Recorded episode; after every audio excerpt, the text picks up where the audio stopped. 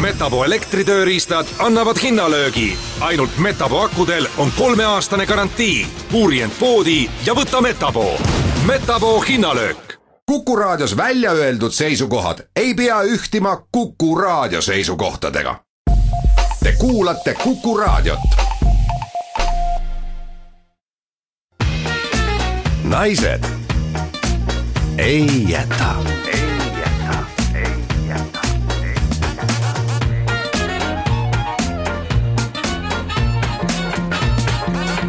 naised ei jäta. juubel viiskümmend. naised ei jäta.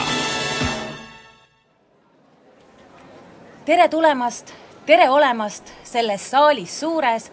tere tulemast, tere olemast täna meie juures Nende kaunite Ellen Niidu sõnadega on väga sobilik alustada meie ülekannet siit glamuurimajast, kus toimub pidulik kontsertaktus, millega tähistatakse saate Naised ei jäta viiekümnendat juubelit ja ühtlasi ka pidulikku lõpetamist.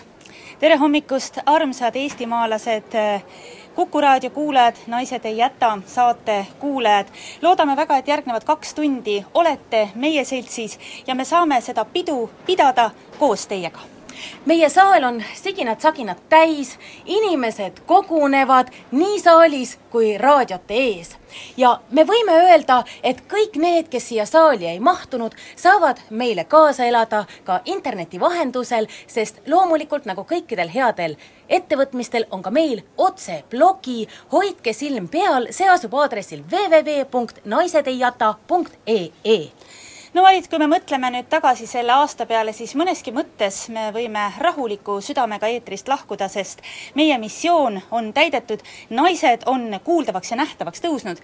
nimelt meie saade alustas kaks tuhat viisteist kolmandal oktoobril ja kaks tuhat kuusteist kolmandal oktoobril sai Eesti endale esimese naispresidendi.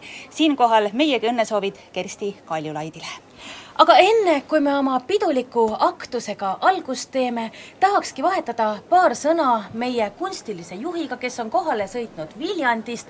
Piret Aus, tere ja head pidutuju! tervist ka teile, kallid kolleegid ja kallid raadiokuulajad! no tahakski algatuseks küsida, et mis on ühe piduliku kontsertaktuse õnnestumise valem?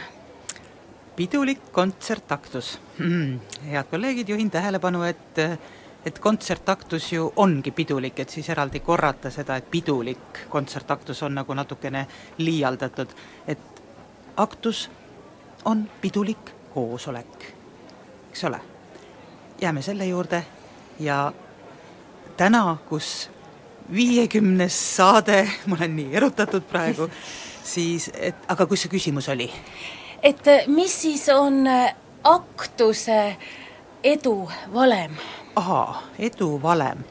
no kui meil on juubel, siis on olulised eh, komponendid üles loetletud meie käsiraamatus, te saate kõik sellega tutvuda, seal blogisse kindlasti me paneme ka selle ülesse, naisedeiata.ee on meie see nii-öelda blogi, aga kui see aktus korraldatakse näiteks tarkusepäeva puhul, no siis ei ole mõtet lolli juttu ju ajada seal, eks ole, vaid ikka tarku, tarka juttu. kui see aktus korraldatakse väikestele vanainimestele, siis ka seal ei maksaks väga palju nagu pikka juttu veeretada, küll aga meenutada, meenutada Eesti-aegseid aktusi, meenutada Nõukogude-aegseid aktusi, meenutada kõiki neid töövõite, mis nendel vanainimestel on eluteel ette tulnud. meil on minu teada stsenaariumis kõik komponendid olemas, on kõned, on äh, klaköörid, on äh, kuused, kased, äh, plis-, plisseerseelikud ja, ja pillimäng, nii et ma arvan, et see, mida täna raadiokuulaja kuuleb ja siin stuudios olija näeb ja aktusele tuli ja ka kogeb, on kõik nagu suurepärane aitäh sulle, Piret, laseme su toimetuste juurde tagasi, sest ega see pidu ei suju, kui Piret oma korraldava käega seal juures ei ole. aga laval on ennast juba valmis seadmas ansambel, ansambel, mis on meile väga-väga hingelähedane, sest et just nendega me alustasime ka oma esimest saadet kolmandal oktoobril aastal kaks tuhat viisteist. oh, kuidas aeg lendab! jah, ja nagu tookord, nii ka seekord on paslik tervitada selle lauluga meie kolleege saatest Mehed ei nuta, töökat kollektiivi, mehi, kes jäävad meist maha raadiolainetesse hullama. aga nüüd ongi ansambel valmis ja valmistume kuulama. odaviskaja, sõnad Margus Konnula, esitab vokaalinstrumentaalansambel Pühvel, solist Priit Võigemast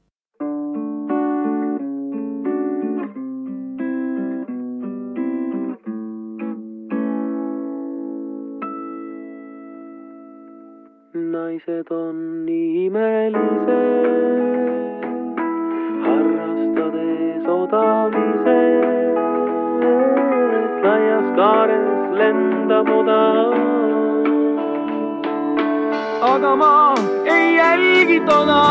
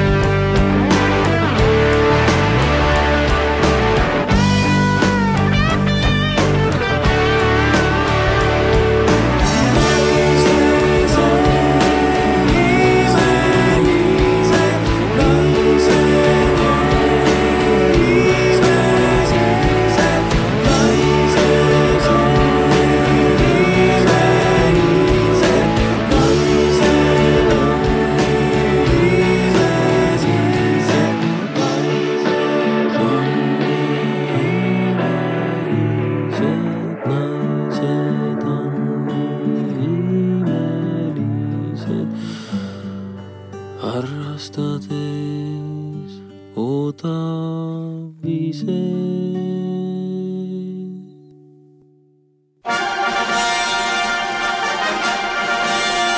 juubel viiskümmend. naised ei jäta jätkame siit glamuurimajast oma pidulikku ülekannet aktuselt, millega tähistatakse saate Naised ei jäta viiekümnendat juubelit ja ühtlasi ka pidulikku lõpetamist. Mulle tundub, et rahvas hakkab juba vaikselt sellist hoogu sisse, vabandage, jah, sisse saama, et, et siin on juba päris kitsaks läinud, aga pole midagi, ega head lambad ühest laudast teadupärast mahuvad ju kenasti ära. nii et küll mahume ka meie ja küll mahuvad ka kõik need toredad numbrid, ettevõtmised, mis me oleme plaaninud siia kahte tundi, mis me plaanime koos teiega olla, ära kitsaks on läinud siin eeskätt seetõttu, et me oleme kutsunud täna siia saali kõik need tuhanded inimesed, kes on meie saatest läbi käinud, nii esinejatena kui kuulajatena. noh, tõesti rõõm näha, et teid on nii, nii palju. aga kui võtame ette meie aktuse kava, siis mis aktus see on, kui ei peeta pidulikku kõnet? meie ka tükk aega olime kimbatuses, kuidas pidada see kõne nii, et kõik mõtted välja tuleks ja mõlemad me sõna saaksime ja me ei mõelnudki välja, et me mõlemad sõna saaksime. võtsime loosi ja seekord la-, naeratas loosi on Kristile ja minul järelikult veab muudes asjades. seega, Kristi, sinu õlul lasub nüüd see koorem, et meie mõlema tervitused tuua kuulajateni. mina hakkan nad siis tasapisi lavale ronima, aga sa hoia seni tuju üleval. mine lavale, jah. ja kuni nüüd Kristi tõttab lavale, siis ma võin öelda, et see kõne on tulnud hingest ja mõeldud hinge minema ja ma hoian ka siin hinge kinni, et kõik ikka õnnestuks. ja, ja ütlen kohe ette ära ka, et pärast kõnet siirdume me helipildis piiri äärde mõisakülla, külla ühele daamile, aga miks? sellest räägime kohe peale kõnet. nii, Kristi on jõudnud lavale ja ma näen, et ta võib alustada. avakõne esitab Naised ei jäta saatejuht Kristi Kool. daamid ja härrad, pidulised kolleegid, sõbrad, linnud ja loomad. naised ei jäta mitte kunagi. naised võtavad. ja kui juba võtta, siis suurelt ja palju on mõnusaid mõtteid, ägedaid elamusi, toredaid kaasteelisi, asju muidugi ka. kui just kellelgi on väga tähtis neid võtta ja mitte jätta. aga kui tõepoolest pole midagi võtta, siis naised mõtlevad, vaatlevad, otsivad, leiavad ja ikka võtavad. võib juhtuda, et siis on võtta juba väga palju tuleb hakata valima, et koorem liiga suureks ei läheks. tuleb anda aega võtmise ja jätmise vahele. naised on leidlikud nagu vanad eestlased, kes võidi alasti metsa saata, aga metsast tulid nad välja, riided seljas, lapsed kaasas ja varanduse kott turjal. elame elame toredas maailmas, kus igal minutil midagi muutub. me ei mõtle siin ilmamuutust või inimsoo esindajate totaalset muutumist erinevates näosaadetes. muutuvad meeled, avaramaks ja laiemaks saab silmavaade. meil on oma saadetega kogunenud nii palju kuulajaid, et tahaksime näha teid vaatajatena. kahju, et raadio ikka veel pilti ei näita vähe sellest, et liigid välja surevad, uusi liike tuleb nii palju juurde, et nende kohta polegi veel teatmikku koostatud. samamoodi tulevad ja lähevad ajalukku saated, inimesed, lood. usume, et ka saadetel, inimestel ja lugudel on tulevik, mis lõpuks saab eetriteatmikuks vormitud. jah, kui mehed ei nuta, siis naised ei jäta me ei tea veel, kallid kuulajad, kuidas jätkame, aga uskuge, oleme teie jaoks ka edaspidi olemas. ja sellest me juba teatamata ei jäta, sest tehtud saadete jooksul oleme ammutanud erinevate saatekülaliste kaudu endasse nii palju head energiat, et sellega saaks vajadusel elektrikatkestuse korral mitu tundi meie Pika Hermanni torni ja Toompea lossi valgustada või Kadrioru lossi kui seal ikka pimedal ajal kedagi toimetamas on. eneselegi uskumatuna näib kõlavat number viiskümmend. ega ju tavaelus see number midagi ütle.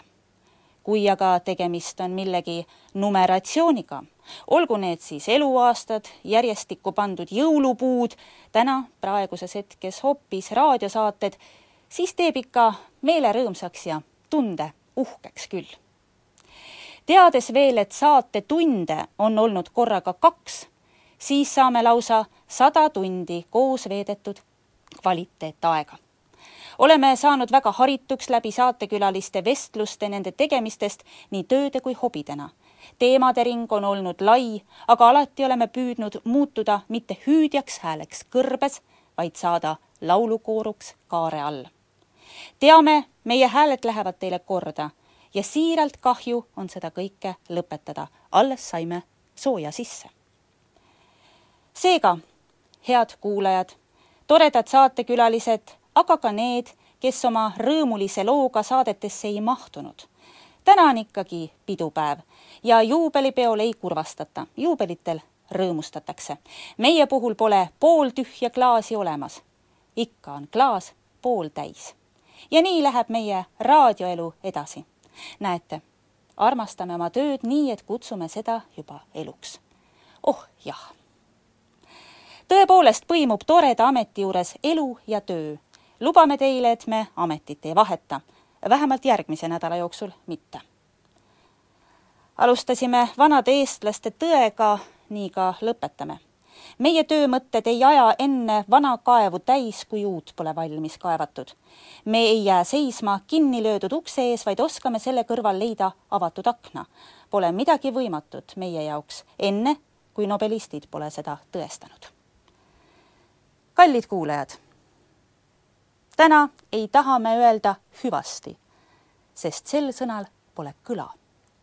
lausume hoopis säraval häälel nägemiseni. Jääte alati meie headeks kuulajateks ja me leiame teieni jõudmiseks uue avatud akna. lõpetuseks tuleb öelda hea, et raadio pilti ei näita. jah, naised ei jäta ja ka naised ei nuta. ah tuuleiil oli hoopis see, mis silma niiskeks tegi. kaunist eestimaist sügiseetrit ja kohtumiseni!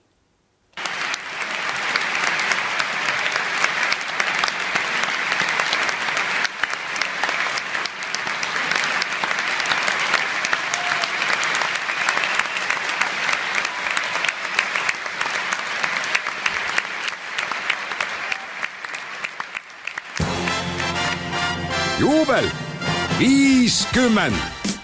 naised ei jäta oleme jõudnud siia mõisakülla, mis on tegelikult hoopis linn, mitte küla, et tulla kokku saama suurepärase daamiga, kes on just äsja kõlanud kõne autoriks. tere hommikust, Anu!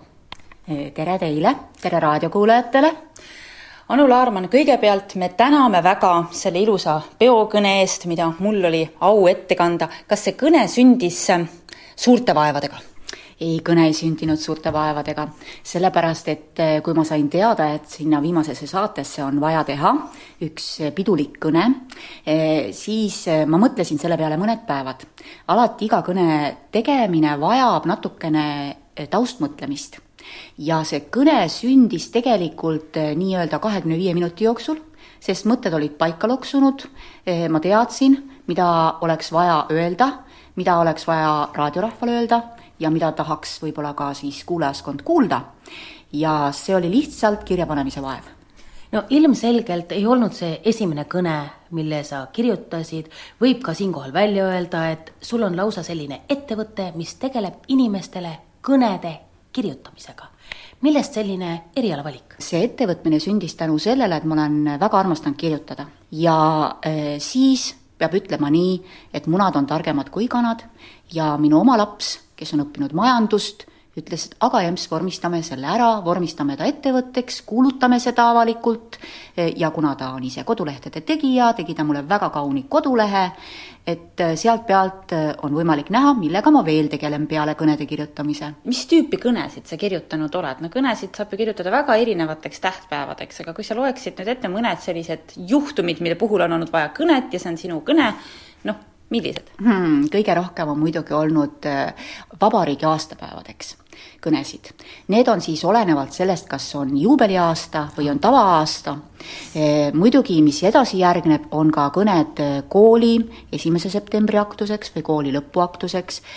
Tulevad ka spontaansed kõned, mis on võib-olla mõne üritusega seoses ja kus on vaja üles astuda ootamatult, kus lükatakse sind tulle, sest teatakse, et ma pole suu peale kukkunud ja ma ei jää rääkimisega hätta. Kas kõnet kirjutades lisaks sellele teemale arvestad ka sa selle persooniga, kes hakkab seda kõnet ette kandma, ehk siis pead sa seda inimest ka natukene tundma, et ei juhtuks nii, et et kõne on suurepärane, inimene on suurepärane, aga nad omavahel kokku ei kõlksu jaa, otse loomulikult, otse loomulikult, et tolleks hetkeks, kui ma kõne kirjutan, ma püüan tabada ära tema olemust, ma püüan tabada ära tema kõnemaneeri ja ma püüan tabada ära seda tegelikult, millest tema rääkida võiks. ja ka teie saatele lõpukõne kirjutamisel ma elasin sellesse sisse tegelikult nädal aega. sealt ma saat-, kust ma sain teada, et ma pean seda tegema, ma kuulasin äh, varasemaid saateid ma kuulasin saatejuhte, ma kuulasin teie temperamenti, äh, püüdsin oma, äh, saada aru, milline on teie huumorimeel, huumoris on, kuhu maale võid minna ja, ja ma loodan, et vot selline kompott nüüd välja tuligi, et kui see teile siia sobis, oli väga tore kindlasti on sulle eeskujuks ka mõned Eesti kuulsad kõnepidajad. või miks mitte piiri tagant mm,? kõnepidajad. minule väga meeldisid Lennart Meri kõned Eh, ma olen alati püüdnud Eesti Vabariigi presidentide kõnesid kuulata. ma olen püüdnud kuulata ka peaministrite kõnesid ja on selliseid, mis tõesti on, et sa jääd eh, kõrv kikkis kuulama ja mitte üks krõbin ega krabin sind kõrvalt ei heiduta, kuid nendest kõnedest on ka osa selliseid, kus sa kuulad ära esimese kolmandiku, vahepeal võid teha midagi muud ja siis sa tead, et ahaa, et kuulame lõpu ka ära. et tegelikkuses ma pean ütlema, et et on jah, on olnud kaasahaaravaid kõnesid, on olnud kõnesid, mille puhul ma tunnen, et ma ei ole ka midagi ilma jäänud, et noh, tõepoolest, et kui seda lõpuni läbi ei mõtle. aga mis, mis on minu jaoks väga tähtis kõnede pidamise juures, on diktsioon. diktsioon, pauside pidamine, eh, teeside väljatoomine, eh, et see jõuaks just rahvani nii, nagu kõneleja on seda mõelnud mitte nii, et kui ta tahab rõhutada mingit sõna, näiteks kas või sõna maailm, et ta ei kaota seda sinna kõne sisse ära, vaid ta just toobki selle sõna välja. mulle väga meeldiks, kui ka tänapäeva koolides tegeldaks deklamatsiooniga. nüüd ma mõistan, miks meie emakeeleõpetajad omal ajal surusid meid lugema luuletusi püüdlikult selge häälega, sest kõne pidamisel on ka tähtsus see selgus, et, et ta oleks arusaadav. millised on tüüpilised vead, no näiteks ma kujutan ette, et liiga pikk kõne ei ole vist hea ei ole. Eh, oma kogemustest võin öelda, et inimesed väsivad ära kusagil kõne neljandal minutil. no neljas-viies minut, selline on juba selline väga raske, aga kui tahad ikkagi pikka kõnet pidada, siis vot eh, seal neljandal-viiendal minutil tuleks teha midagi, mis tõmbab uuesti rahva käima, mis tõmbab pilgud eh, sinule ja, ja siis juba tuua sisse väike huumorinoot mis võtaks äh, saalis esile sellise mõnusa äh, naerupurske või sumina ja siis, et tekiks uuesti saali vaikus, siis rõhutada seda lõppu. nii et paras oleks neljandal minutil žongleerida, kukkuda pikali. jah, midagi, mida iganes, minna rahva sekka näiteks, miks mitte mitte jääda oma äh, kaantega sinna saali ette, ma rõhutan just nimelt kaantega, sest kui ma kõnesid pean, siis ma pean ikkagi, mul ees on paber kuna ka president peab kõnet paberi pealt. ja siis ei teki seda kohmetuse tunnet, et ups, mul läks meelest ära ja väga narr on ju lapse kombel, õpilase kombel peopessa nagu kirjutada, noh, neid märksõnu. aitäh, Anu Laarman, niisiis, kellel on vaja kõnet pidada ja ise ei tea, kuidas seda kirjutada? see ei ole üldse häbiasi. On ole. inimesed, kellel see tuleb väga hästi välja usaldage neid. ja siirdume siit väikesest mõisakülast nüüd tagasi Tallinnasse peastuudiosse, kus jätkub Naised ei jäta viiekümnendale saatele pühendatud kontsertaktus. juubel viiskümmend. naised ei jäta siin Tallinn Glamuurimaja ja jätkame siit oma ülekannet pidulikult, aktuselt, millega tähistatakse Naised ei jäta saate viiekümnendat juubelit ja ühtlasi ka lõpetamist. Jah, pidu on hoos, rahvas rõõmus ja muide, analüütikud on ka kirjutanud esimesed kommentaarid avakõne kohta. kiidetakse kõne selgesõnalisust, kiidetakse seda, et see jõudis inimeste hingeni. tõsi, juhitakse tähelepanu, et äh, kuidagi vähe tuli juttu, kui üldse, julgeolekuteemadest. nii see tõepoolest on, aga ega siis tea, mis kõne kirjutajal meeles mõlgub. uurime ka koha peal, mida rahvas just äsja kõlanud kõnest arvab arvab ja siin rahva seas jäi meile just silma Justiitsministeeriumi asekantsler Kai Härman, tulge siiapoole veidikene. see ongi tere. suurepärane, tere, tere. Väga hea, et me teid tabasime, meil ongi tegelikult tekkinud Maritiga siin ka väike mure, mis puudutab seda aktust ehk pidulikku koosolekut. aga enne, kui me hakkame juriidiliste just. nüansside kallal siin uurima ja puurima, ikkagi esimene küsimus, et millised tarkuseterad teie nüüd noppisite siit kõnest oma teele kaasa? Leidsin mina loomulikult narratiivi, mis mind kõnetas. viiskümmend võrdub tegelikult sada. ma olen alati arvanud, et Eesti naine päästab päeva ja teeb kõike rohkem, kui on küsitud, kui on vaja. ja selle teadmise ja selle mõttega äh, lähen ma siit täna ära suurepärane, meil on rõõm seda kuulda. Ja nüüd siis võtame ette selle pisut valusama punkti. nagu ütles meie kunstiline juht, ei ole olemas pidulikku aktust, aktus on oma sisuliselt äh, pidulik koosolek. Ja nüüd olemegi mures, kas meil on koosoleku korraldamiseks luba? jah, kas me oleme eksinud äh, mõne seadusesätte vastu, kas on nüüd oht, et peale selle piduliku sündmuse lõppu klõpsatavad käerauad ümber meie habraste randmete ja pidu on läbi. või juba selle poole peal. Kai Härmand. olen võtnud kaasa elektroonilise Riigi-Teataja, mis hea. Äh, ühel juristil on alati ometigi esimeses nutiseadmes, mis talle kätte satub. ja äh, jurist pöördub alati ikkagi seaduse teksti poole ja vaatame, mida siis meile kirjutab korrakaitseseadus. korrakaitseseadus ütleb, et avalik kogunemine on avalik koosolek või avalik üritus ja selle esimeseks tingimuseks on see, et see toimub avalikus kohas. Kuku raadio paraku ei ole avalik koht, sest see asub hoone sees. ja sellisel juhul ei ole vaja koosoleku või ürituse korraldamiseks luba, kui see vastab hoone või siis hoone osa, seekord siis Kuku raadio omaniku või hoone valdaja soovile, et selline koosolek toimub ja kuna tegemist on ju ometigi ärihoonega, siis ärihoones toimub ikka koosolekuid, ka mõnikord pidulikku laadi ja hoolimata sellest, et tulemus on ju üsna avalik, sellest saavad osa tuhanded inimesed, on see ikkagi kooskõlas seadustega? jah. oh, mul langes kohe kivi südamelt. meel on endiselt rõõmus ja sooviksime siiski Kaile nüüd head peotuju, ilusat koduteed ja, ja jätkame siit glamuurimajast eh, muusikalise etteastega.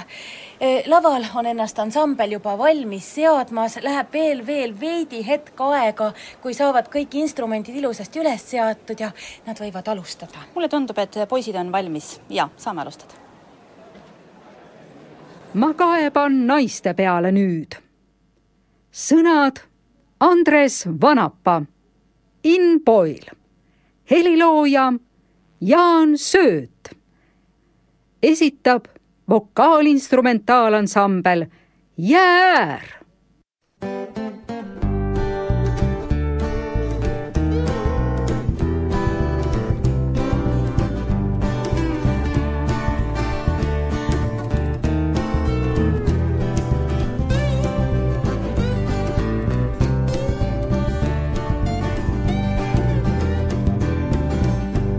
üks punanina kohtusaalis, kes taskukella varastas. ei tunnistanud oma süüd. ma kaevan naiste peale nüüd, ma kaevan naiste peale nüüd. Leo sageli käib kinos teatris ja tihti kunstinäitustel ikka mustaks jätavad ja müür. ma kaevan naiste peale nüüd, ma kaevan naiste peale nüüd.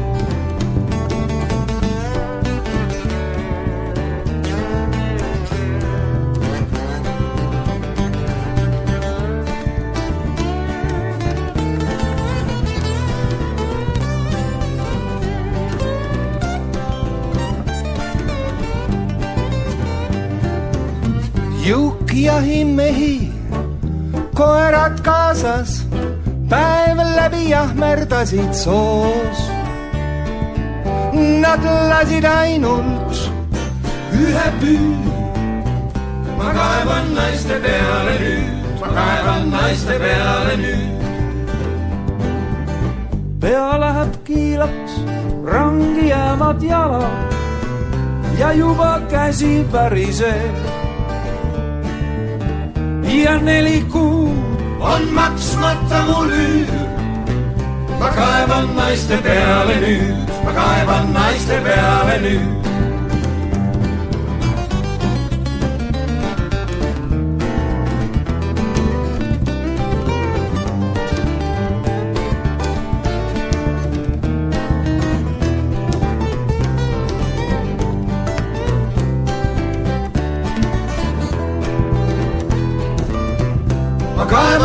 Naiste peale nüüd, ma kaevan naiste peale nüüd.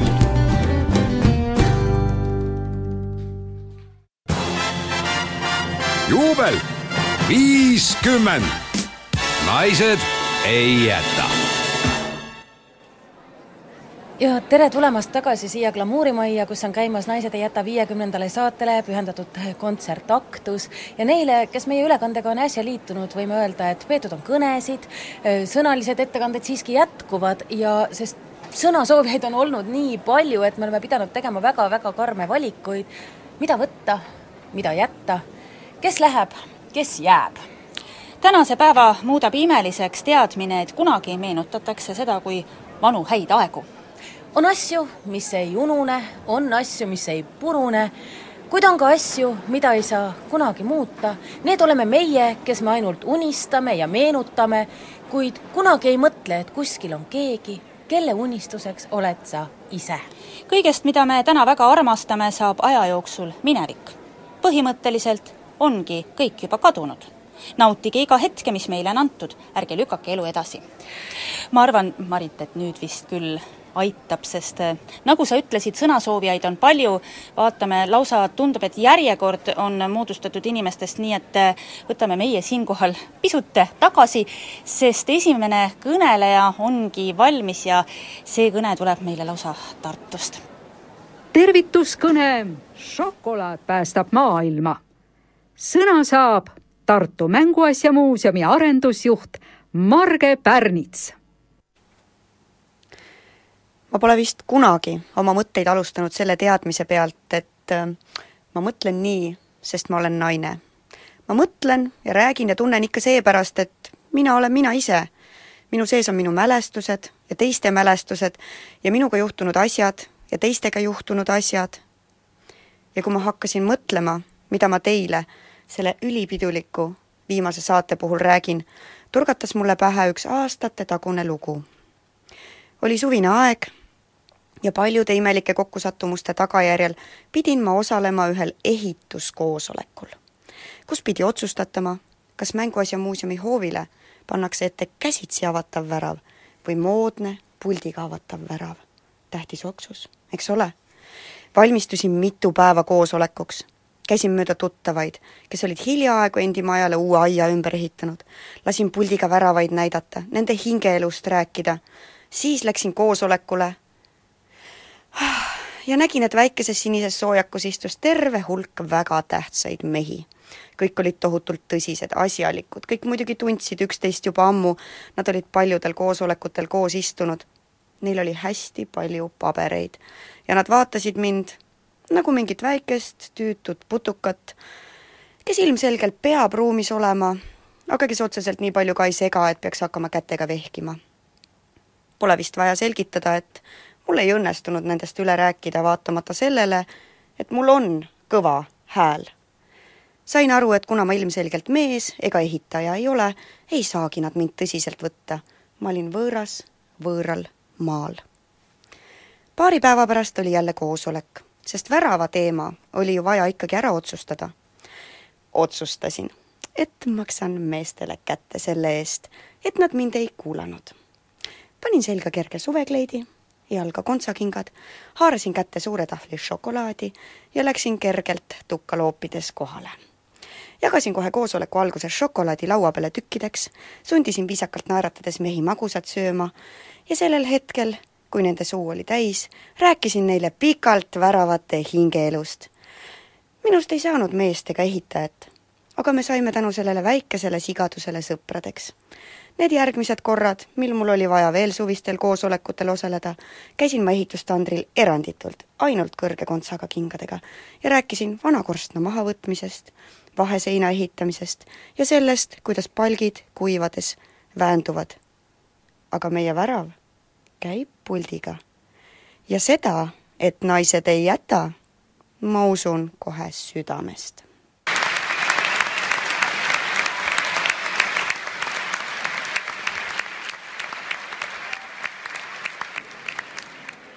no suurepärane kõne, Imeline kõne. imeline kõne, see läks hinge, see kompas mu hingekeeltel nii erineval moel. mulle tundub, et ka rahvas on kuidagi väga mõtliku näoga ja me kindlasti tahame kõne autoriga teha ka intervjuud, aga ma vaatan, Marge sealt eemalt tuleb ja, ja lausa tee on kinni, sest et eks neid, kes tahavad küsida, lähemalt järele pärida, neid juba jagub.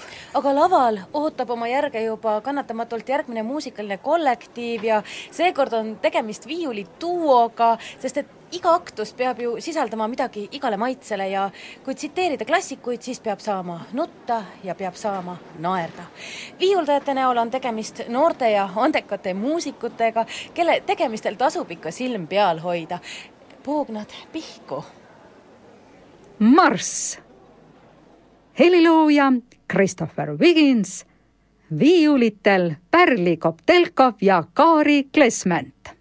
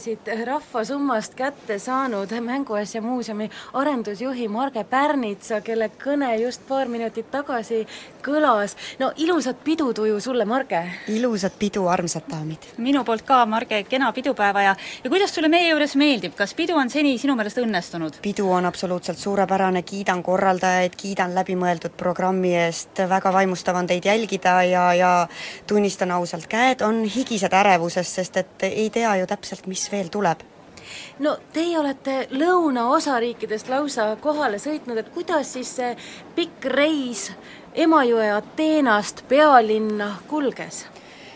Reis kulges suurepäraselt, tänan küsimast, aga eh, kindlasti pean rõhutama, et eh, alustasin valmistumist juba nädala eest, varusin eh, varakult piletid, õige ta oli, buss oli pilgeni täis, nägin suurt vaeva, et sinna peale trügida, peaaegu oleksin bussis lapse saanud, pakuti täiesti võõrast last, ta oli täiesti üksinda bussis, bussijuht nõudis minult nullpiletit, väga ärev, väga ärev oli tulemine. ma kuulsin ka, et bussis oli olnud väga pime.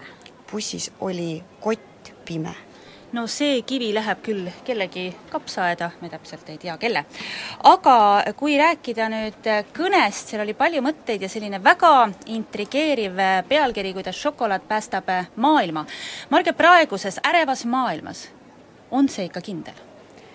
ma olen täiesti veendunud, see on kindel, teinekord kas või üks tükk šokolaadi päästab maailma, nii nagu üks pai päästab päeva aitäh sulle, aitäh, Marge, laseme su pidutsema edasi. ole hea, mine kindlasti äh, vaata ka pidulauas ringi, sest et catering on kohale jõudnud Hiiumaalt.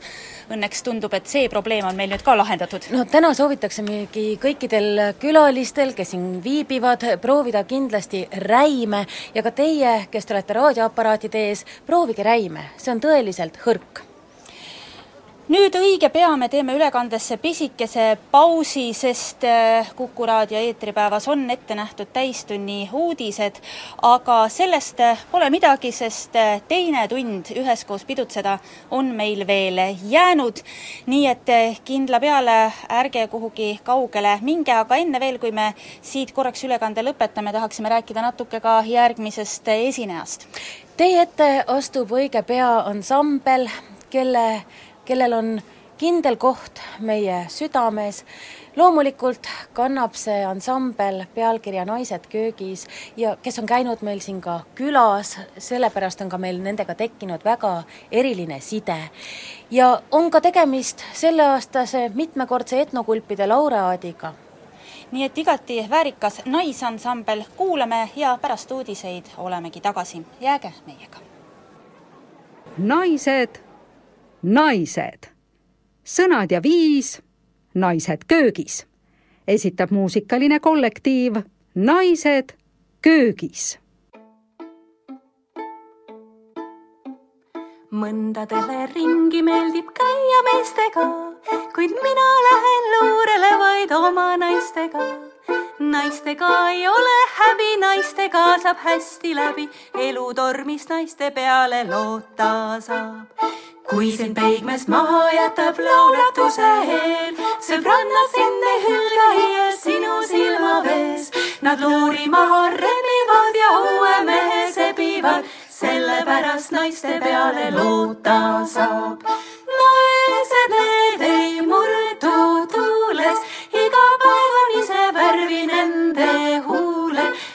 on hästi, ninad püsti, pole vaja potuks süsti, meie lähme aastatega paremaks. oh, mu armsad daamid, daamid,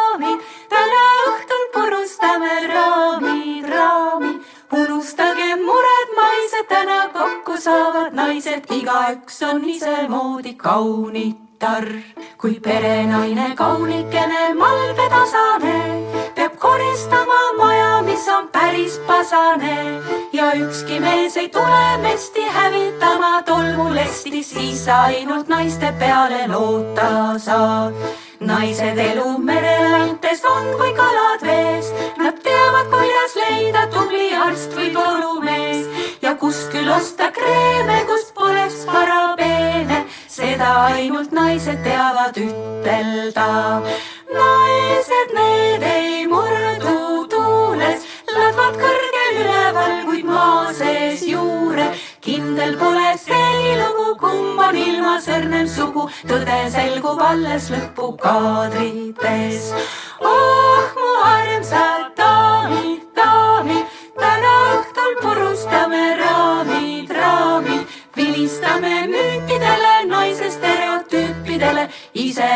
elu kokku laulame. kuid käes on aeg, kui pisikesed muudkui kisavad, nad tahavad olla emaga ja mitte isaga.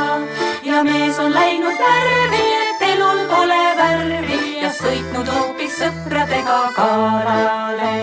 siis naisel tuleb miskit moodi vastu pidada, kuidas just eks igaüks võib ise lisada. kuid kui jumal annab, sõbranna, kelle peale raskel tunnil loota saab.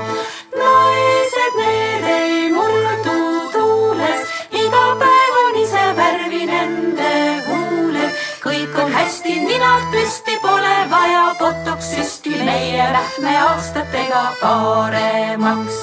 oh, mu armsad daamid, daamid, täna õhtul purustame raamid, saavad naised, igaüks on isemoodi kaunitar. kui saatus sulle ootamatult keerab kokku supi, et sinul andis Texon hakkin invaliidsusgrupi ja sina näed vaid sente ja mitte alimente ja hakkama pead saama karjalastega, siis kuidas, milleks, miks ära tead murdma jää, sest kõiki asju ujusid sa praegu.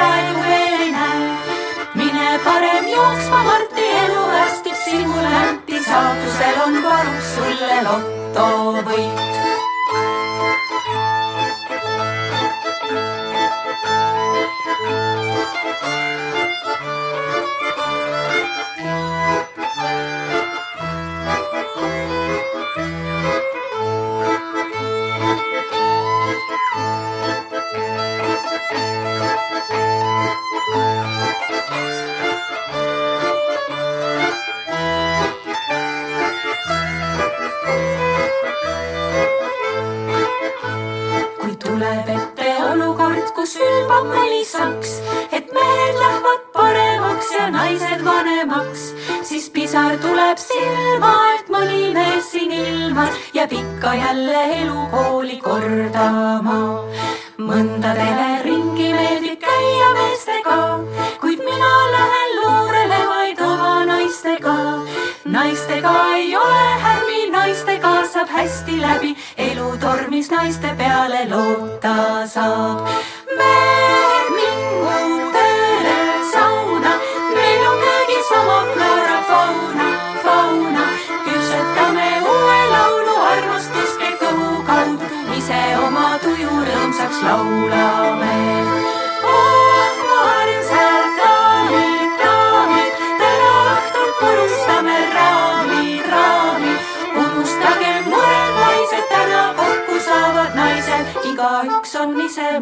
Kaunitar.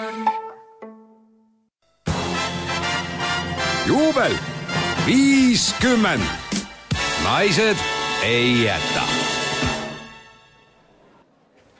tere tulemast tagasi siia Glamuurimajja, hea kuulaja. jätkame siit kontsertaktust, millega tähistame Naised ei jäta saate viiekümnendat juubelit ja ühtlasi ka pidulikku lõpetamist. Juba on peetud mitmeid sütitavaid kõnesid, on kuuldud vägagi maitsekaid muusikapalu, kuid väga-väga palju põnevat seisab veel ees, nii et ärge heitke meelt. Jah, tere tulemast ka minu poolt ja kui nüüd tõesti juhtus, et esimene tund meie aktusest jäi kuulmata, kaasa elamata, siis pole vaja muretseda, minge kindlasti naised ei jata.ee, kus on meie uus kodulehekülg. seal on üleval otseblogi, muide meie online-toimetus on teinud tööd kolmkümmend kuus tundi juba. iga hetk sellest peost ja ka ettevalmistustest on seal üleval kirja pandud, nii et minge, vaadake, tutvuge, kommenteerige, avaldage oma arvamust. see ei ole ainult meie pidu, see on ka teie pidu paras hetk on ka kirjeldada tegelikult seda pidulikku saali, kus me praegu viibime, sest esimeses tunnis nappis meil selle jaoks aega. glamuurimaja saali, nagu näete, kaunistavad lõpuaktusel kased. sügisest meeleolu aitavad luua tammed, mis loomulikult on toodud tuppa ikkagi võitjate auks ja, ja kuna juba mõnedes kauplustes on alanud jõulumüük, siis oleme toonud tuppa ka kuused, nii et siin on midagi igale maitsele. meenutab see saal meile hetkel Eestimaa sügisest loodust, oleme ju metsarahvas ja sellesse halli hommikusse suurepärane dekoratsioon jah, loomulikult, kui nüüd vaadata ringi, ei olegi vist ühtegi liiki, mis oleks siin nii-öelda esindamata, on puid, on põõsaid ja võime kinnitada, et eile hilisõhtuni dekoraatorid ja metsamehed askeldasid siin saalis, see oli suur töö üles panne, ülespanemine ja kõik see kaunistamine. Ja mulle tundub, kuulsime siin ka eelmise tunni lõpus, vahepeal oli tõesti taustaks kuulda kiljatust. on alust arvata, et, et meie saali siiski on jäänud üks kärbipoiss, kes siin vallatult ringi silkab ja ma loodan, et daamid väga ei pahanda, kui me ta kätte saame, toimetame kärbi ilusasti loodusesse. ei, mulle tundub, et praegu ongi Justiitsministeeriumi asekantsler Kai Härmand kärbi kaenlasse võtnud ja pakub talle räime. nii et ei, kõik tundub, et on kontrolli all ja las loom lõbutseb koos meiega, ega siin ei olegi midagi. tänast aktust kaedes hakkasin isegi meenutama olulisi aktusi, mis minu elus on toimunud. kõigepealt tuleb meelde loomulikult esimese septembri aktus, kui läbi kuldse septembripäeva läksin esimest korda nelgid peos veidi lotendavate põlvikutega oma koolimaja poole, veel täpselt aru saamata, mis mind nüüd ees ootab, kuulasin pikki kõnesid, kuid nüüd tagantjärele tundub see päev nii helge, nii ilus, et pisar kipub silmanurka tulema. Kristi, kas sinulgi on oma elust mõni selline ilus, südamesse läinud aktus meenutada? tead, Marit, kui aus olla, kui mina ütlen äh, aktus, siis meenub mulle striptiis. oi, see on veidi üllatav üllatav, no eks vist on siinkohal, millal veel mul see võimalus enam tekib, võimalus mul see lugu ka ära rääkida, nii et ei, ei oota, seda ei ole vaja tead-, noh, no jah küll, teadustada. meeleolukas jutustus esitab Kristi Kool. nüüd kõik kuulavad seda või? räägi ära. no hea küll lugu oli nii, et äh, kui ma olin ülikoolis eelviimasel kursusel siis meie ülesanne oli kevadel lõpetavale kursusele, mis oli telerežii esimene lend, korraldada aktusel mõni üllatus. pidulik selline pala ärasaatmise puhul, me tahtsime olla võimalikult novaatorlikud, võimalikult enneolematud, istusime kursusega koos ja arutasime, mis võiks see olla, et kõigil ikka suu lahti jääks ja ma ei mäletagi, see oli ilmselt keegi kursuse vendadest, kes ütles korraga keset vaikust, aga kutsuks strippari. paus kandis kõik pöörasid kui üks mees, pea, meie kursuse vanema Ülle poole, kes oli meist kõige vanem ja kõige targem ja me jäime ootama tema reaktsiooni. ja meie üllatuseks ütles Ülle, aga miks ka mitte. no seejärel moodustasime me vene keelt oskavatest inimestest delegatsiooni, sest me teadsime, et meie koolimajaga samas tänavas asub tõepoolest üks selline klubi, kus vastavat teenust ka pakutakse Läksid noormehed kohale, mu meelest oli vist veel delegatsiooni juht äh, praegune ERR-i kolleeg Jüri Mutika, kes valdab vene keelt väga hästi, ja sinna minnes olid nad saanud kaubale neiuga nimega Aljona, kes oli projektist väga huvitatud ja kelle ainus küsimus oli Где? В школе? Интересно. Очень интересно. panime raha kokku ja Aljona oligi meie päralt. saabus pidulik päev. pean tunnistama et kui ma jõudsin peamajja, ülikooli kohale ja nägin just sedasama saali, mis oli sama pidulik kui siin meie oma, olid lipud, olid kased, punased sametkardinad, siis minus tekkis kerge kõhklus. kas on see hea mõte? seda enam, et saalis istusid rektor, dekaan, meie õppejõud, aga enam ei olnud teha midagi. tuli see hoop vastu võtta ja ja oligi siis see hetk, et oli meie kord, keegi meie omadest läks veel äh, alguses äh, lava ette ja ütles ka sissejuhatavad sõnad, et kuna tele on enesenäitamise kunst, siis me nüüd näitame tõelist enesepaljastust, midagi sinnakanti. Läksid need punased kardinad lahti, muusika läks peale ja tuli Aljona haudvaikus oli saalis, kõik see, Aljona tegi lühikese etteaste, ütleme nii. kõik see lühike etteaste oli väga vaikne, Aljona tegi no ikkagi aru saades, et tegemist on kooliga kaugelt lava pealt, noh, kerge toplessi, kadus kiirelt, kardinad kokku, vaikus, täielik vaikus.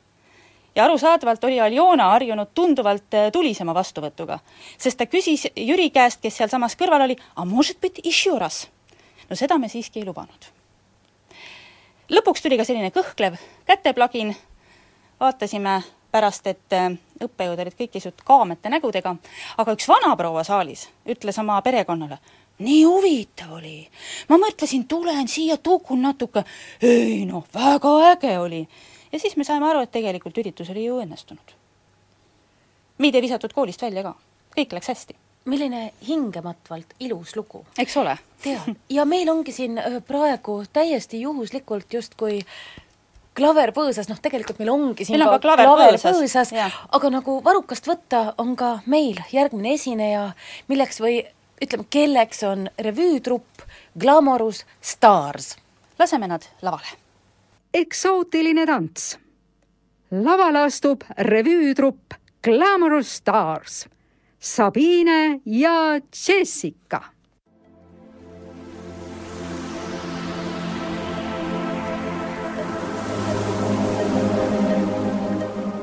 ja selle maheda muusikasaatel tõttavadki kaks kaunitari teie ette lavalaudadele. Need kõrgekontselised kabujalakesed on Jessica ja Sabine, kes kuuluvad revüütruppi Glamorous Stars ja on meie juurde sõitnud kaugelt-kaugelt Askabadist. nagu hea raadiokuulaja teab, on Askabad linn, mis asutati aastal tuhat kaheksasada kaheksakümmend üks ja kandis varem nime Ashabad. sellised kuumaverelised neiud meil siis praegu laval. ja tõepoolest, publik võtab nad vastu sooja käteplaginaga Welcome to Estonia, tüdrukud. Rõõm, rõõm, neiud kummardavad, lehvitavad, siin on temperamenti Jessica puhul on tegemist endise riistvõimlejaga, kes on esindanud oma kodumaad juba Aasia mängudel aastal tuhat üheksasada kaheksakümmend neli ja kaheksakümmend kuus ning tunginud sügavale-sügavale vaatajate südamesse. jah, kui nüüd tüdrukutele esimene pilk visata, siis võibki iga raadiokuulaja näha, Jessica on pisut pikem, on ka pisut võib-olla nurgelisem, Sabine ent on lühem, noorem ja pisut kurvikam. maitse asi, ütleb siinkohal raadiokuulaja. Sabine on oma nooruspõlves tegelenud rahvapillimänguga ja sellest ka tema haruldaselt nõtke randmehoid. tal on märkimisväärselt pehmem tehnika. ja siinkohal oligi meil võimalus seda suurepärast pehmet tehnikat näha. esimene kehakatte lendas ja milline heide, milline heide. mulle tundub, kas tõesti kaksteist meetrit. tegemist on tõepoolest klassikalise kaheteistkümne meetrise heitega. publik on hullumas publik on pöörane. selliseid asju ei näe siinmaal iga päev. jah, võtame vastu aplausi, tüdrukud kummardavad ka. Jessica on rahul, patsutab Sabinet lõbusasti õlale, siit saab minna ainult edasi. Jessica möödunud sügisesest põlvevigastusest ei ole enam märki, kui kevadel veel olid mõned esinemised sellised kompavad, veidi hapramad, siis nüüdseks on toimunud täielik paranemine. ja tundub küll, sest näete, jalg ju kerkib väga kõrgele, väga osavalt. ei, tõesti, tundub, et Jessica on saanud asjatundlike arstide abi ja see rõõmustab meid, sest esinemine saab jätkata rõõmsalt ja rahulikult. kuid, kuid aia, aia. ai, ai, ai, Jessica praegu ja, libises ja, ja kukkus. ja, ja, ja kukkus maha, vaatame nüüd, vaatame nüüd, mis saab edasi. ei, ei, ajab ennast püsti kõik on hästi, kõik on hästi. tegemist on perfektse tiimitööga, kus näed viga laita, sealt tule ja aita, Sabine ulatab oma paarilisele sõbra käe, tõmbab ta ilusasti püsti ja tants võib jätkuda kõik jätkub rahulikus tempos, ega ei saagi professionaal endale väikeseid viperusi lubada, ei saa ka suuremad elumuutused siin vahele segada. nimelt alles selle aasta märtsikuus sai Sabine kuuendat korda emaks, kuid see ei ole teda takistanud, võttis tütarlaps vaba päeva, kuid nüüd müttab rõõmsalt edasi. jah, ega siin ei olegi midagi, sellised sündmused annavad ainult hoogu juurde. Siin ei ole midagi varjata. enam ei ole midagi varjata, võib öelda, et Jessical ei ole enam midagi varjata, Sabinel on jäänud veel üks patsipael, mille ta nõtke randmeliigutusega publikusse heidab tütarlapsed lehvitavad, tütarlapsed kummardavad, korjavad üles lillesülemid ja vudivad kardinate vahele sooja. tekk ümber, tassitäis auravat kakaod pihku. aitäh teile, tüdrukud, pakkusite meile elamuse, jääme teid ootama tagasi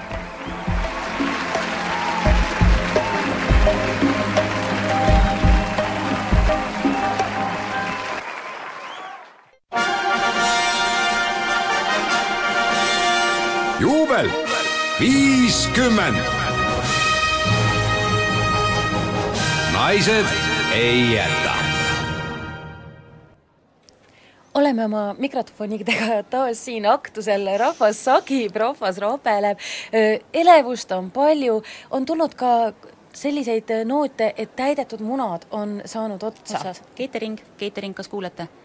Jaa, juba kandikud lähevad. ja juba liiguvad kandikud täidetud munadega uuesti rahva sekka. oh, seda pidurõõmu, oh, seda lustlikku tuju jah, loodame, et lustite kõik koos meiega, kas siis läbi raadioülekande või siis mingil muul moel.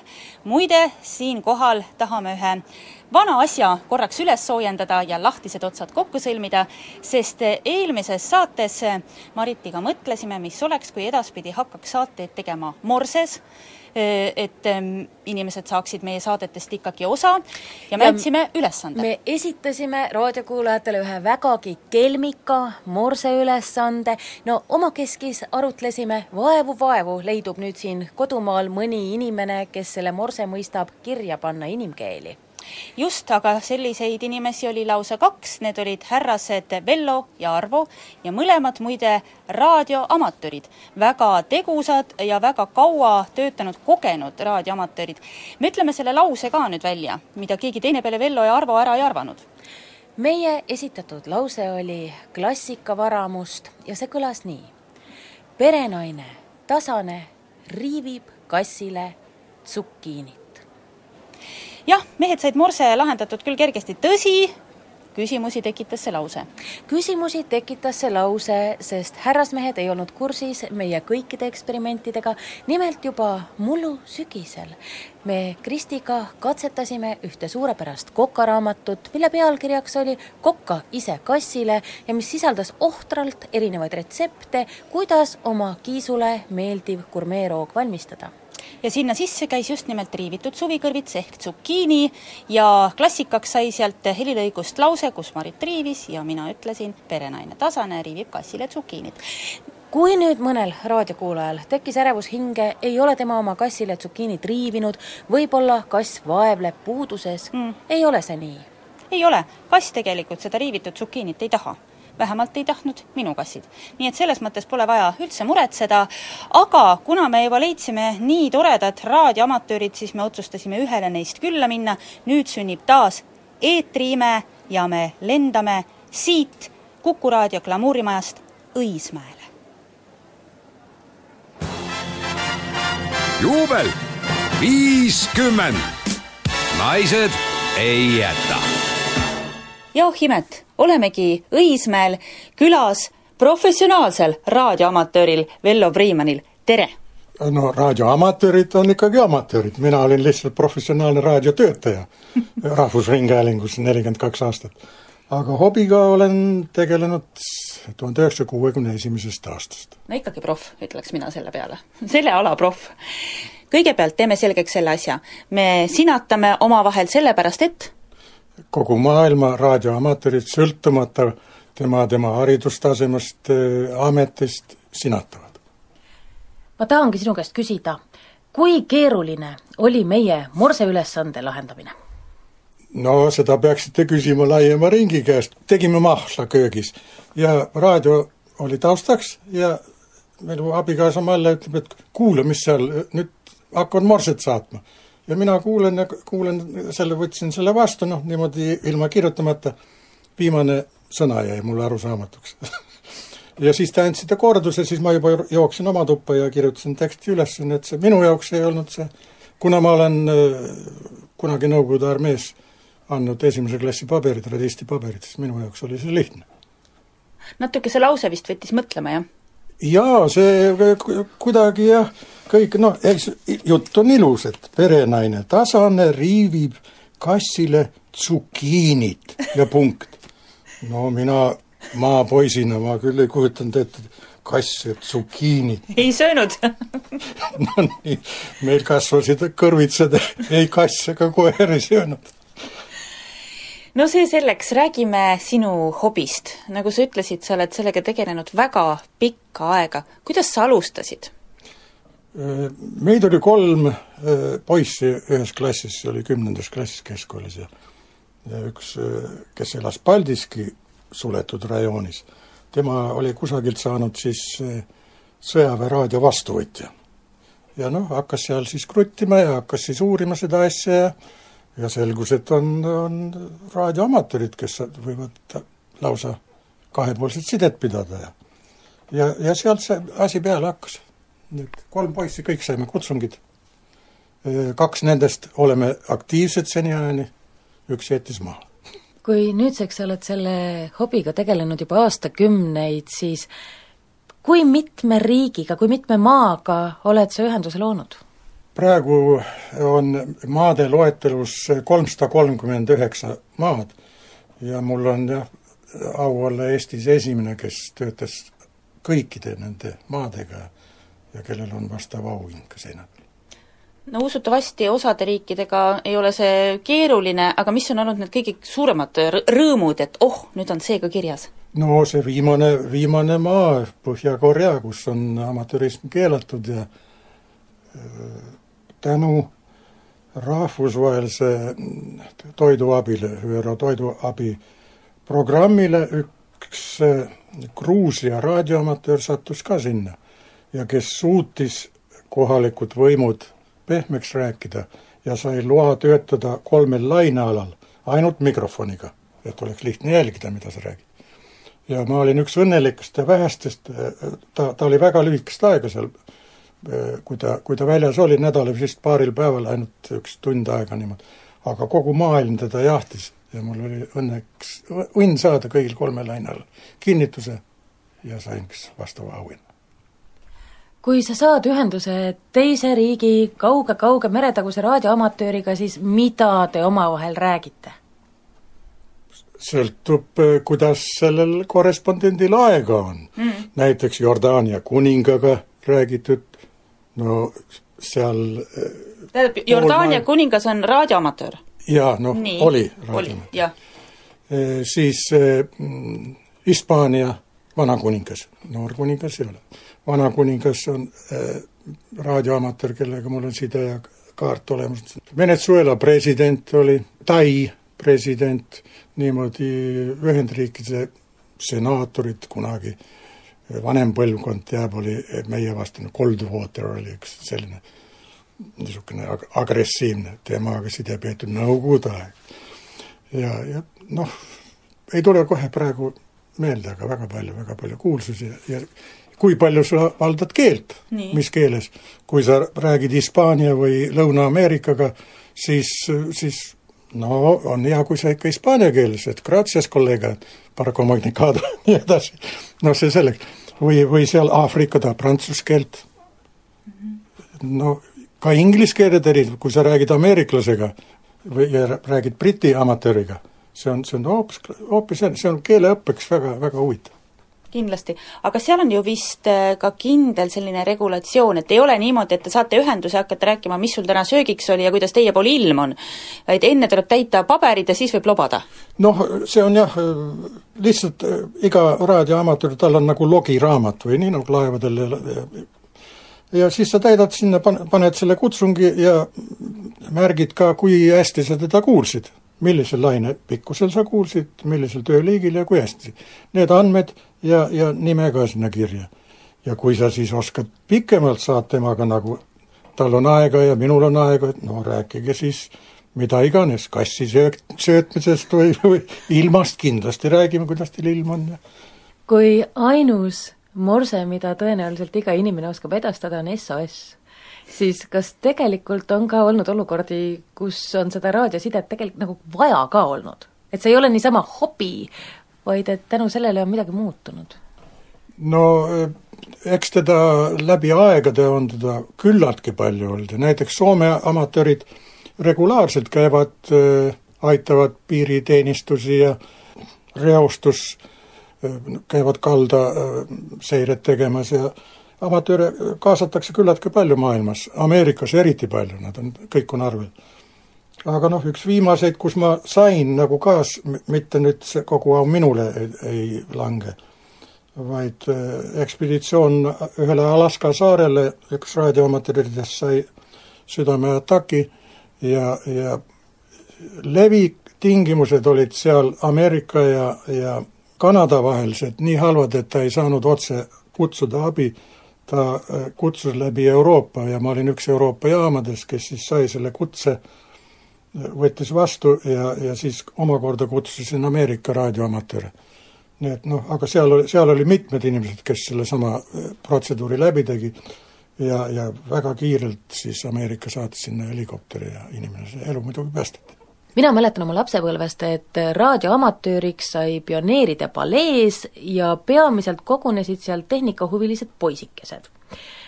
kas tänapäeval üldse kasvab peale uusi raadioamatööre ja kas see valdkond ootab enda ridadesse ka daame? hakkan tagantpoolt, et daame oodatakse alati ja, ja kui palju lööki oleks daamidel, ma mõtlen, ma mõtlen eetris, et kui tuleb ikka üks, üks kaunis naishääl, milline möll seal selle kutsungile, et ongi nii või? on nii, on nii. ma ise, ise kogun neid, neid kaarte spetsiaalselt, naisraadioamatööri kaarte. aga võib-olla reklaami taga on asi, sest et inimesed, nüüd noored istuvad internetis, nad, minu käest ka on küsitud palju, et nad, milleks sa pead siis omale ostma aparaadid, antennid, et siis ootame seda levikut, et saada meilid või see noh, et ei saada sellest aru. aga kui te nüüd vaatasite minu siin kas või nende kaartide kollektsiooni või auhindasid ja ja vot tuleb sisendada, et see ei ole ainult mitte see nüüd, et ma annan tead seal, selle piiksutan ära selle raporti ja kogu lugu see ongi. sa saad tutvusringkonda, sa õpid maailma tundma, kui ma saan, tuleb näiteks mingi kutsung, praegu on sealt Aafrika ekspeditsioonid, ma kujut-, ma tean kohe täpselt, kus nad seal on. praegu äh, alustas eile tööd India üks saare ekspeditsioon esimest korda sinna saarele, mul on ta veel saamata. ma tean, mul on see maailmakaart on nagu silme ees ja ma to-, ütlesin juba, aga toonitasin, et keeleõppes see on äh, sa, sa kuuled eh, kohaliku eh, maa diktsiooni, kuidas nad räägivad omavahel. et see on huvitav just kuulata, kui ameeriklane ja inglane omavahel siis vestlevad või, või seal hispaanlased ja eh, Hispaania, Portugali ja Itaalia keeled, niisugused segukeeled, see on, see on kõik, see on elustiil ja mina olen selle ohvriks langenud. kas sind praegusel hetkel suudab veel miski asi elevile ajada? Igal juhul. niikaua, kui hing sees on ja kui sa oled andunud hobile, ükstapuha, mis ala te, te tõsiselt võtate, siis neid rõõmuhetki on ju nii palju. kui ma saan jah, nüüd jälle mõne ekspeditsiooni, meil on mitu laineala ja kui ma saan seal mõnel niisugusel raskemal lainealal selle ekspeditsiooni kätte, ma seda kohe kannan abikaasale ette, et noh, ma sain ta lõpuks kätte. Aitäh, Vello Priimann, suurepärane, et äh, morsesaladus sai lahendatud. Ja nüüd tagasi glamuurimajja, kus jätkub Naised ei jäta viiekümnendale saatele, ühtlasi ka viimasele saatele pühendatud kontsertaktus. juubel viiskümmend naised ei jäta. oleme nüüd tagasi siin glamuurimajas ja vahepeal väga palju elevust tekitanud kärbipoisile on koht kätte näidatud ja ja ta on viisakalt suunatud siis oma loomulikku keskkonda, nii et kõik loomasõbrad, ärge muretsege, kärbiga on kõik korras. korras on kõik ka meiega, meil on rõõm mõista, et maailmas leidub siis vähemalt kaks inimest, kellele me võime edaspidi Morses saateid teha, kindlasti on neid tegelikult veel rohkem, ja meie õppisime sellest kohtumisest Velloga väga palju.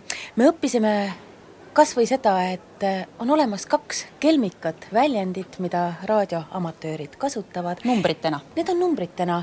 kui nad saatsid meile oma tervitused, kirjutasin nad sinna alla kaheksakümmend kaheksa ja seitsekümmend kolm, ei ole tegemist matemaatilise mõistatusega, tegemist on raadioamatööride poolt laialt levinud tervitustega, mis on kodeeritud, millest kaheksakümmend kaheksa tähendab õhusuutlusi ja seitsekümmend kolm parimaid soove ehk ka hüvasti jättu, nii et me ei ütle teile veel seitsekümmend kolm, vara veel. aga me võime öelda kaheksakümmend kaheksa.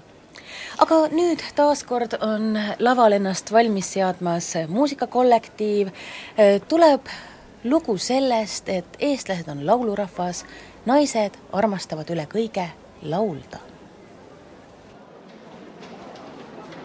naine hakkab laulma palaetendusest Suguenn. autor Jarek Kasar. esitab Evelin Võigemast.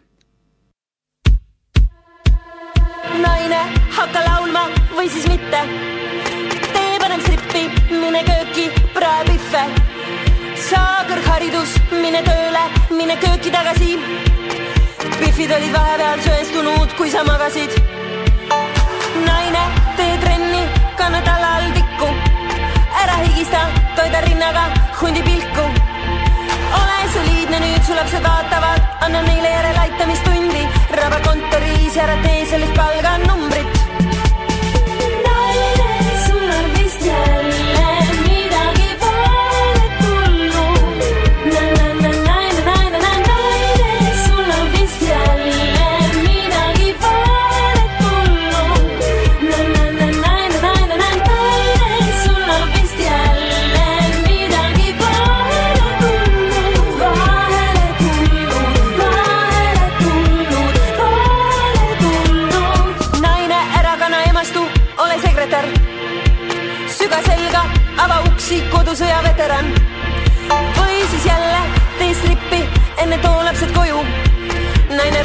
autokraavis, naine köögis, juuksepikendused toidus. naine, tibulinnukene, pane kinni see aken.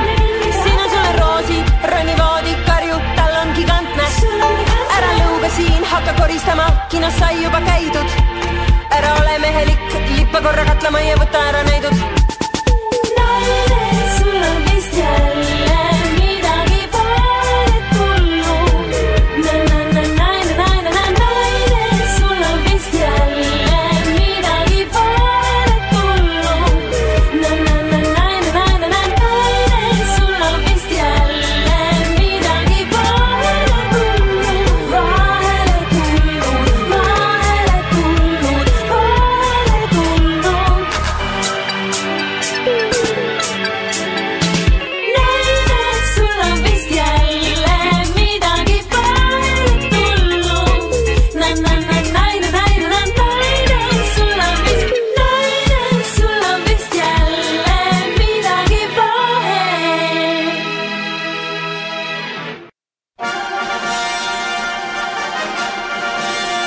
juubel viiskümmend.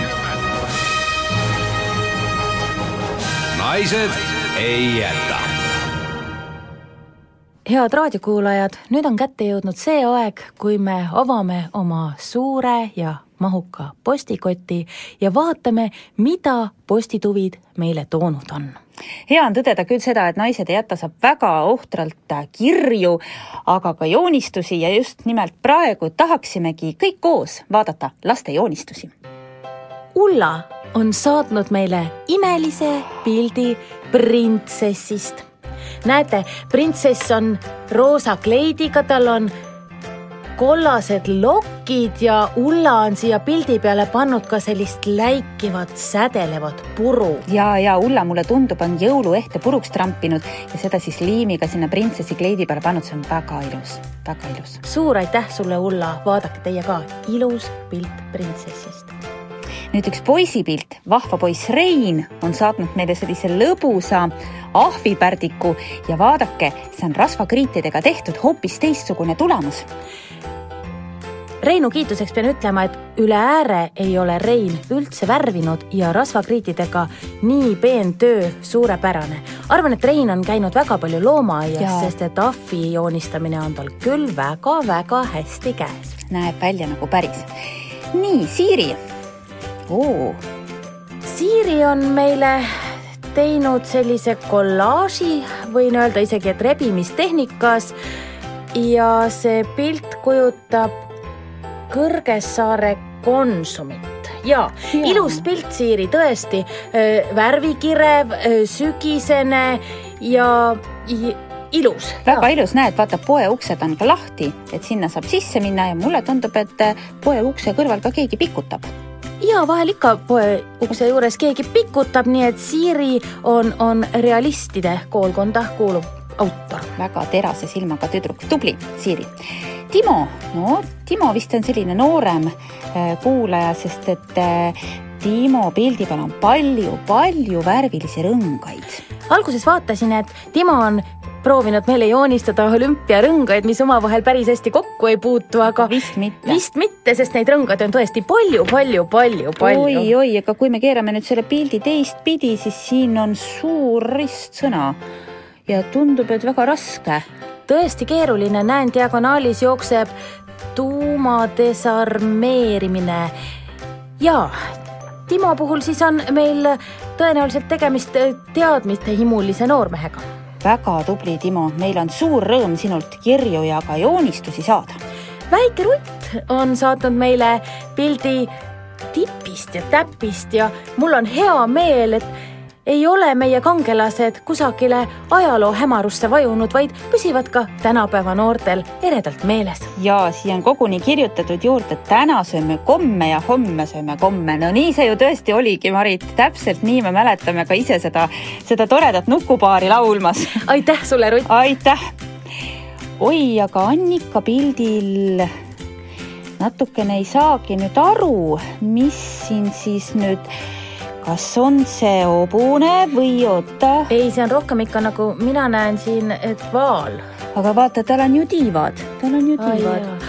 aga see, vaata, tal tuleb nagu juhe tuleb ka seljast välja, et, et see et ta käib seina, seina sisse. aitäh, Annika, ilus pilt. tubli Rando, no Rando pildi peal on küll väga arusaadavalt selgete puhaste värvidega joonistatud pikk ja ilus oranž rong ja Rando on siia juurde kirjutanud, et see rong sõidab Jõgevale. no vot, aitäh, Rando, et sa ka selle kirja panid, sest oma peaga me ei oleks küll seda välja mõelnud, kuhu see rong sõidab, see ilus oranž rong. tänud sulle, Rando. oi, aga nüüd vaata, Marit, mulle tundub, kui armas, et Hindrek on joonistanud Kristi ja Mariti. nii nunnu. väga tore ja vaata, vaata kui toredad me, me naeratame. me naeratame ja, ja minule meeldib eriti see, et Indrek poiss on joonistanud mind soleda. oh, eks ta jah, ja minul on väga ilusad pikad mustad juuksed. aitäh, aitäh, aitäh nii ilus. Maililt on järgmine pilt ja Maili on joonistanud meile erksavärvilise vesivärvimaali ja siin peal on banjo. ja kui nüüd lähedalt vaadata, siis banjol on üks keel aga eh, see on selline algajate bänjo. see on algajate bänjo, tubli Maili, et mul on hea meel, et sul on jäänud muusikakooli kõrvalt aega ka kunstiga tegelemiseks ja meil on sellistest piltidest alati palju rõõmu no poisid armastavad ikka autosid joonistada ja näed, vaata, Indrek on joonistanud meile rohelise BMW. vaata, siia on midagi peale kirjutatud ehm seega, aga see, see vist on inglise, see on inglise keeles, sõbrad, ja siia on midagi inglise keeles peale kirjutatud, tundub, et Indrek on nii autohuviline kui ka lingvistikahuviline. Clean, ei, ei saa hästi aru, aga ei ole midagi. küll Indrek teab, mis seal kirjas on. Mart poiss on meile saatnud pildi oma arvutist. tundub, et Mart on väga arvuti ja arvutimängude huviline. jaa, tehnika, see on ikka poiste ala. tubli, Mart õpi edasi.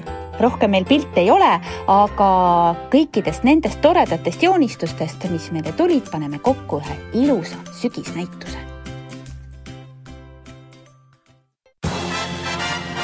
juubel viiskümmend, naised ei jäta.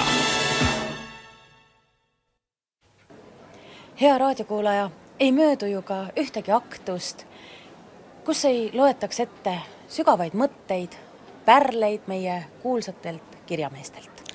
oleme noppinud välja mõned mõtted naiste kohta, loomulikult tänasel päeval. ja siin võib küll tõdeda, et väga palju põnevat on naiste kohta öelnud Oscar Wilde. ta kirjutas nii. Mehed mõtlevad, naised ainult mõtlevad, et nad mõtlevad. naised tahavad olla armastatud, mitte mõistetud kunagi ei maksa naisele kinkida seda, mida ta ei saa õhtuti kanda. ükski naine pole geenius. naised on dekoratiivne sugu. Neil ei ole kunagi midagi öelda, aga nad ütlevad seda võluvalt. Naised esindavad ainevõitu vaimu üle, nagu mehed esindavad vaimuvõitu kõlbluse üle. ikka veel, Oscar Wilde.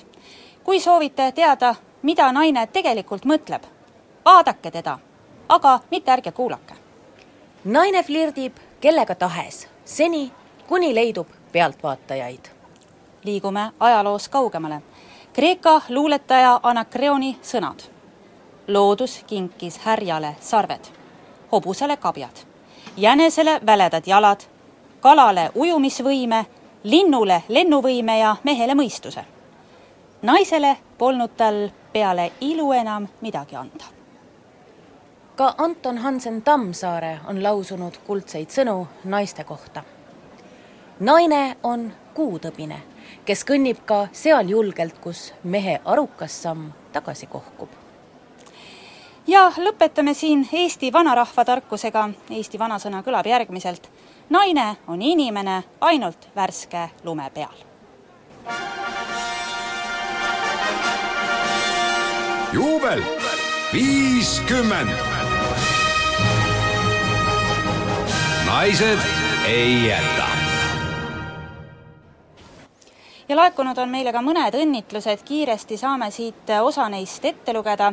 Kaisa kirjutab luuletuse, kui kümnene on plikatirts, siis on ta ninakas pirts. kui kahekümneseks ta saab, maailma nabaks ennast peab. ja naine neljakümnene on parasjagu mürgine, kuid õrn ja tark ning lembene on naine viiekümnene. Helen kirjutab meile. ainult see, mida naised omaks võtavad, see edeneb, õitseb ja võidab on kunagi öelnud härra Schütz, kui Harju ringkond sai Naiskodukaitse loodud. see kehtib ka nüüd, peaaegu üheksakümmend aastat hiljem. olete teinud head asja, mis õitseb siiani. palju õnne viiekümnenda saate puhul kogu Naiskodukaitse Harju ringkonna poolt tervitavad ka kõik miinipildurid Anu kirjutab, kallid saatetegijad, need laupäeva hommikud, mis teie seltsis veedetud said, andsid igal korral mõnusa muige suunurka kogu päevaks. Teie pühenduvus ja sihikindlus andsid inspiratsiooni ning meenutasid, et asju peab võtma huumoriga. soovin südamest jõudu. Kristel kirjutab, naised, kes te kahe peale viiskümmend saate, ma ei jäta teid ka siis, kui sada täis. kallistan kahel käel, Kristel Pärnust, kuumalt liivalt üks meesterahva tervitus ka, Silver on meile lausa luuletuse teinud. naesed tegid Kukus saadet, aina külvasivad aadet. tublilt rühkisid nad eetrit, mitu vinget kilomeetrit. Külli soovib õnne ja ütleb, et ootab huviga, millega naised teda edaspidi üllatavad. Külli saadab ka oma lemmiktsitaadi. see on minu elu mingid tühised kuuskümmend või seitsekümmend aastat ja ma teen selle nii isikupäraseks, nii kordumatuks, nii ilusaks, nii patuseks, kui tahan. suudan ja julgen. ma oleksin hull, kui ainsa võimaluse kasutamata jätaksin, sest nii pikk on elu küll, et oma vigu, kui vaja, ka mitu korda parandada. aga selleks, et neid vigu üldse mitte teha, noh, nii palju pole mõtet oma elu pealt küll kokku hoida. Ja lõpetame Terje kirjaga ta tervitab meid ja ütleb, et oli tore meid laupäeviti kuulata, tõesti väärt saade ja tänan suurepärase võimaluse eest, et sain ka ise ühest saatest osa võtta, ole lahke, Terje, ning soovib meile tuult tiibadesse. nii, aga nüüd muusikaline üllatus, mida me oleme natuke aega siin Maritiga ka ette valmistanud. nagu mäletate, meil oli kunagi suurepärane bänd Lehekuu tuus ehk Mai Äss. millega me lõime isegi eurolaulu pealkirjaga Äng, mis oli väga looduslähedane, kergelt pungisugemetega, lüüriline pala. meile väga ta ise meeldis ja tegelikult meeldis see laul väga ka Mihkel Matiisenile, kes on ise mitu korda Eurolaulul edukalt käinud. ta ütles, et täiesti omapärase helikeelega lugu, mis jääb kummitama, tahad või ei taha. aga me saime sellised signaalid, et noh, seda lugu ei maksaks raadioeetris noh, nagu väga pikalt lasta või nii ja ja siis ega ei ole midagi, see oli laul loomadest ja meil on lihtsalt üks teine laul loomadest, mida me saame ju ka laulda. meil on tuliuus laul loomadest, metsarahvast, lugu, mille narratiivi peaks tundma küll nüüd iga lasteaialapski. las kõlada see lugu, läheme lavale, Marit. tango, Põdra maja E-mollis. sõnad ja viis, Sulev kool esitab vokaalinstrumentaalansambel Lehekuu tuus ehk Mai Äss koosseisus Kristi Kool ja Marit Ummelas. akordionil saadab kontserdi kunstiline juht Piret Aus. tegi põder endal uhke maja, ostis mööbli sisse kõik, mis vaja ükskord õhtul aknast pistis pea. sellega ta tegi suure vea. vaatab jänes, jookseb maja ligi. Otsa ees tal suisa surmahigi. ütleb jänes, seltsimees ja vend. lase tuppa, päästma pean ma end mõtleb põder, küll on alles lugu. olgu neetud jänespükstes sugu. nii kui siia ilmub jahimees, olen kohe omadega sees. aga jänes palvetab ja nutab, nii et kõhu õõnes külmaks võtab. ütleb põder, lase jalga vend. iga mats peab ise päästma end viimses hädas jänes pakub raha. mõtleb põder, raha pole paha. ei ole maa nii rikas nagu šah. astu sisse, anna käppa kah. juba kostab metsast koerte kisa. Leidis jäljed jahimees nii visa, tõstab püssi ja kui kõlab pauk.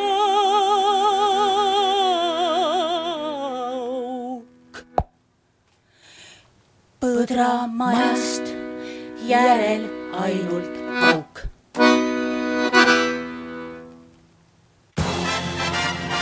juubel viiskümmend. naised ei jäta.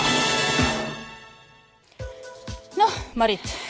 jah, läbi. läbi sai nüüd on meil võimalus öelda teile veel need kõige viimased sõnad ja eks need võiks olla ikka tänusõnad või mis?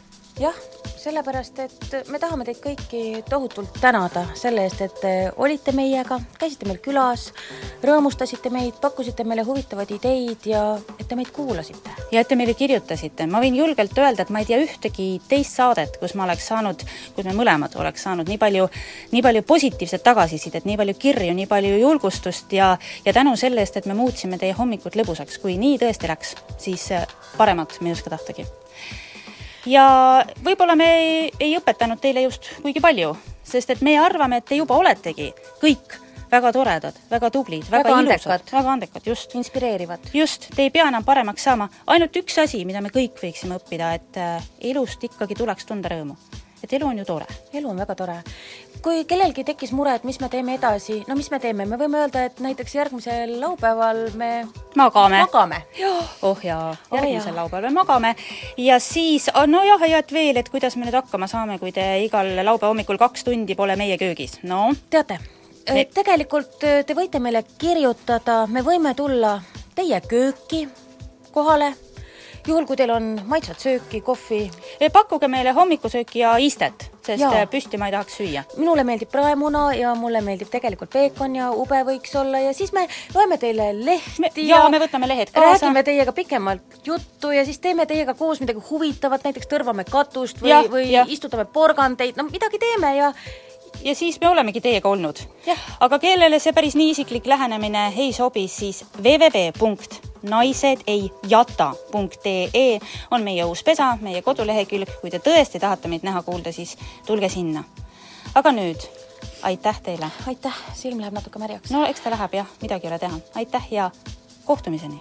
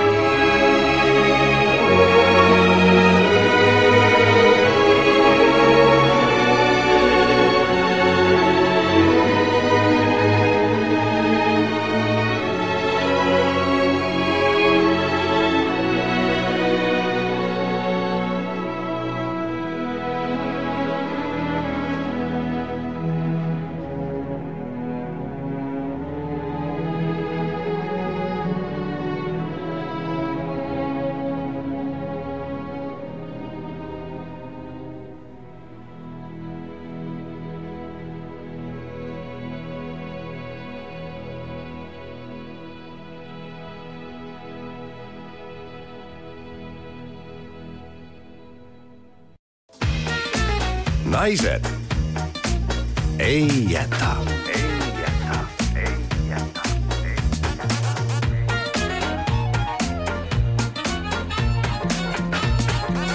naised ei jäta